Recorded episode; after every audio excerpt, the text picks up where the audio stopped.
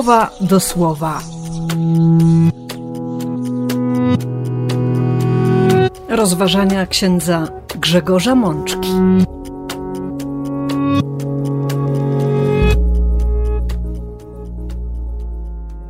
Piąta niedziela zwykła, rok A.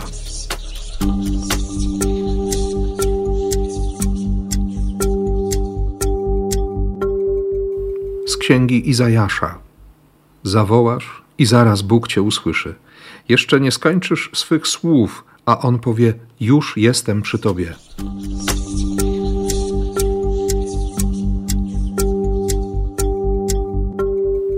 Z Psalmu 112. Pojawia się on w ciemności jako światło dla prawych, miłosierny, litościwy i sprawiedliwy.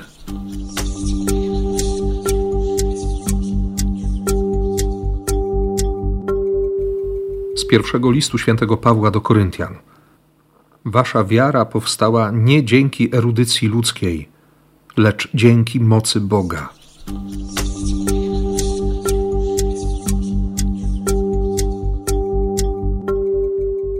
Z Ewangelii według świętego Mateusza. Wy jesteście solą ziemi. Wy jesteście światłem świata.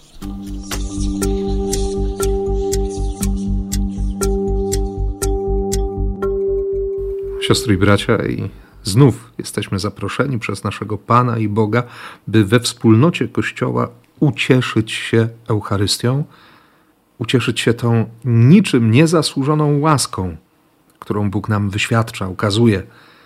Łaską, która nas prowadzi przez życie ku życiu, ku odkryciu prawdziwego życia. Łaską, która otwiera nas i uczy takiej miłości, że ta miłość staje się ostatecznie wiecznością. Ciągle odkrywana, ciągle zaskakująca. Miłość, która jest esencją, istnieniem Boga. I ta miłość dzisiaj do nas mówi rzeczy wymagające, odważne, stara się nas zmobilizować choćby tym 58 rozdziałem proroctwa Izajasza. Zachęta, a właściwie wezwanie do ofiarnej miłości. Warto cofnąć się do początku tego rozdziału, ponieważ w liturgii usłyszymy wersety od 7 do 10. Natomiast ten rozdział rozpoczyna się słowami: Wołaj z całych sił, nie oszczędzaj się. Podnieś swój głos jak trąba i wypomnij mojemu ludowi jego grzechy, domowi Jakuba jego nieprawe czyny. I w kolejnych wersetach Bóg pokazuje, odsłania, obnaża zachowanie swoich wybranych. Wydają się być zaangażowani w Boże dzieło, w Boże sprawy, szukają dróg Bożych i jeszcze mają pretensje. Dlaczego nie dostrzegałeś naszych postów? Dlaczego, gdy korzyliśmy się w naszych duszach, ty jakbyś o tym nie wiedział? Bóg odpowiada dosadnie i prosto dlatego że w dniach tych waszych postów szukaliście tego, co wam się podobało, kuliście ościeniem wszystkich waszych podwładnych, pościcie, procesując się i walcząc ze sobą, ubogiego bijecie pięścią. Ja nie taki wybrałem post. I Bóg przez Izajasza tłumaczy, na czym polega post z jego punktu widzenia.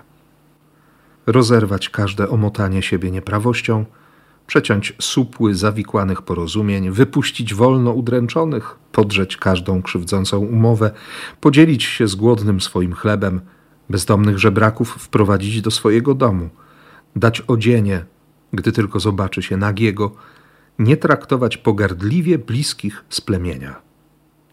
Skutkiem będzie rozbłyśnięcie światła już o wczesnym świcie, ujawnienie uzdrowienia otoczenie Bożą chwałą. Kto z nas nie chciałby takiego życia, takiej bliskości Boga, takiej skuteczności łaski? A jednak Pan daje konkretny warunek post. Do środy popielcowej jeszcze trochę czasu. Na razie wielu korzysta z uroków zimy i karnawałowych zabaw. Dlaczego słyszymy o poście może właśnie dlatego, że Bóg chce nam przypomnieć, jak wygląda post z Jego perspektywy. czym jest post z perspektywy Boga. Przecież każdy moment jest dobry na przyjęcie zbawienia, bez względu na okres liturgiczny, w jakim się znajdujemy.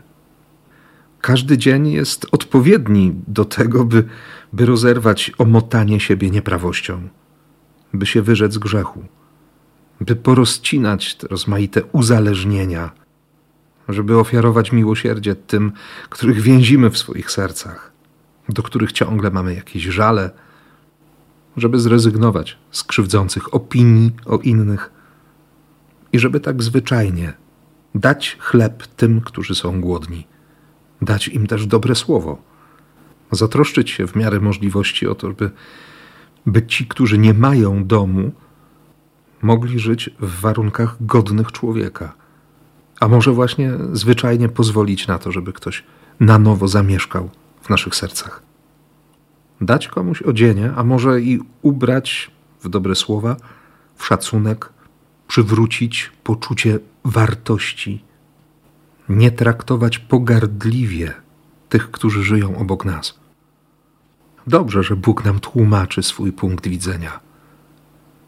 Bo jeśli stajemy się do Niego podobni, wtedy rzeczywiście doświadczamy Jego obecności, Jego pomocy, Jego jestem zanim jeszcze zapragniemy czegokolwiek. I myślę, że dla nikogo z nas nie jest zdziwieniem komentarz Psalmu 112, właśnie do tego pierwszego czytania. Psalm, który rozpoczyna się stwierdzeniem: Szczęśliwy, kto żyje w bojaźni Pana, taki będzie miał wielkie upodobanie do jego przykazań. I później ta charakterystyka człowieka, który szuka Boga. On się pojawia w ciemności jak światło dla prawych. Miłosierny, litościwy, sprawiedliwy. Dobry jest. Dobry jest ten, kto świadczy miłosierdzie. Nigdy się nie zachwieje. Nie ulęknie się żadnej złej nowiny. Jego serce pozostanie niezachwiane w nadziei opartej na Panu. Mocne jest jego serce, nie podda się żadnym lękom. Czy widzimy takiego człowieka, kiedy spoglądamy w swoje oblicze w lustrze?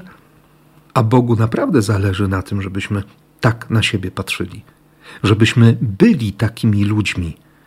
Bo oczywiście nie chodzi o to, żeby łudzić się i zwodzić dobrym myśleniem o sobie czy świetnym samopoczuciem, podczas gdy prawda o nas jest zupełnie inna. Nikomu z nas, siostry i bracia, nie trzeba przecież przypominać o tym, że Bóg chce się zaangażować w nasze życie że robi wszystko, abyśmy byli zbawieni, że prawda, którą On jest, miłość, która nie chce być powstrzymywana, która niepohamowanie ogarnia każdego człowieka, naprawdę daje nam życie. I nie potrzeba wcale górnolotnych słów, by o tym mówić, by to opisywać. Wystarczy żyć. Apostoł narodów świetnie zdawał sobie z tego sprawę, więc pisząc list do Koryntian, zaznaczył wyraźnie, że gdy przybyłby zwiastować Bożą tajemnicę, nie przyszedł, by błyszczeć elokwencją ani czarować górnolotną mową czy uczonymi wywodami. Postanowił zapomnieć o wszystkim z wyjątkiem Jezusa Chrystusa i to ukrzyżowanego.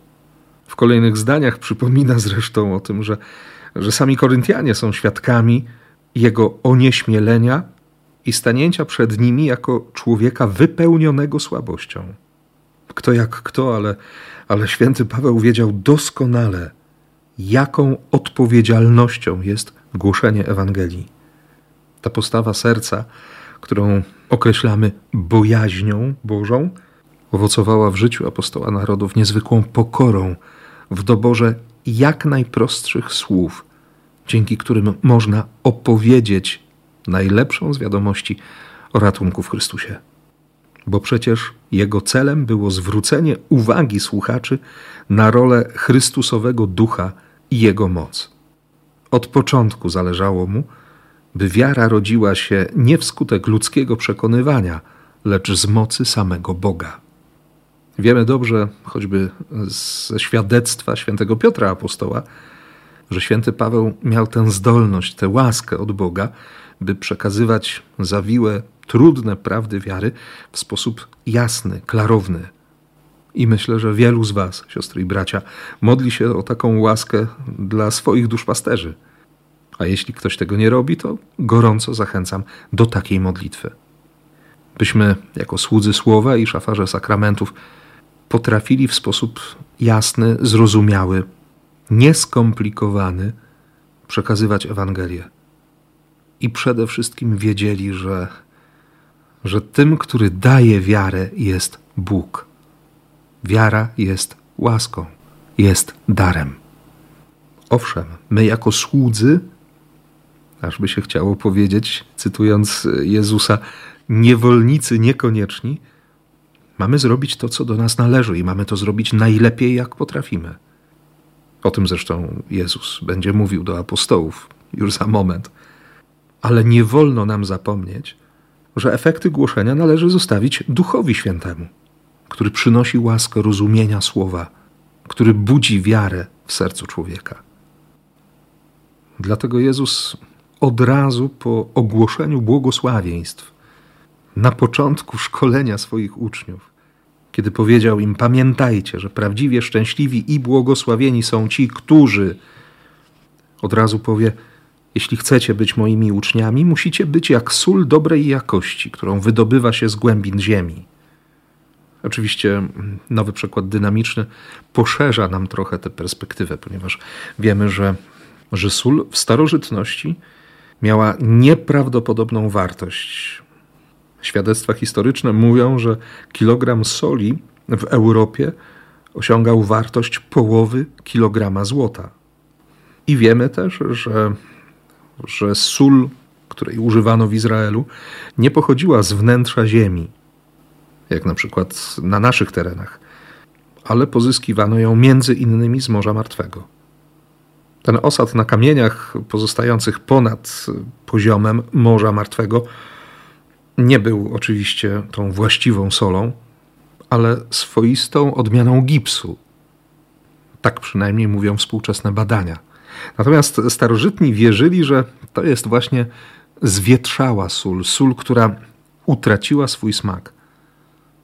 Stąd, żeby zdobyć prawdziwą sól, trzeba się było sporo natrudzić. Niektórzy rabini twierdzili nawet, że aby ofiara składana w świątyni była miła Bogu, potrzeba było kapłana, który złoży tę ofiarę i soli, którą ta ofiara powinna być posypana. Bo sól służyła do, do konserwacji pokarmów, do oczyszczania. Była również uznawana przez Talmud za symbol mądrości. Wydaje się, że, że to rozumienie znaczenia soli otwiera przed uczniami Chrystusa wezwanie do do ogromnej odpowiedzialności za słowo, za swoje życie, za to, żeby rzeczywiście nadawać smak światu, by oczyszczać przez swoją normalność, codzienność to, co jest zbrukane grzechem, by przeciwdziałać zepsuciu, również zepsuciu moralnemu świata, by przypominać o konieczności posługiwania się mądrością Bożą, Bożym punktem widzenia. I wreszcie idąc za żydowskim myśleniem i, i koniecznym do ważności ofiary warunkiem posypania stołu ofiarniczego solą, odznaczać się po prostu duchem ofiary. Nie bać się ofiarowania swojego życia dla Boga. Wydaje się, że Jezus myśli o tym wszystkim, kiedy w kolejnym zdaniu podpowiada uczniom: Pilnujcie się jednak, żebyście nie stracili rozumu i nie zmieszali się ze szlamem, ani z brudem tego świata. W takiej bowiem sytuacji stracilibyście swoją czystość i charakter. Bylibyście jak zanieczyszczona sól, która stała się bezużyteczna. Nie stracić rozumu albo nie utracić smaku. Bogate właściwości soli sprawiały, że, że jako środek dezynfekujący była używana również do użyźniania gleby. Sama jej obecność ma dobroczynny wpływ czy tak ma się sprawa ze świadkami Chrystusa, z uczniami Jezusa, z chrześcijanami?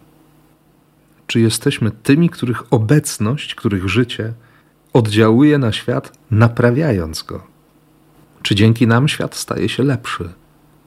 Czy ma bogatszy smak, bardziej wartościowy? Trzeba dziś zadawać takie pytania, bo do tego nas prowokuje liturgia słowa, samo słowo Jezusa. I to drugie określenie. Starajcie się być dla świata moją światłością. Jesteście światłem świata.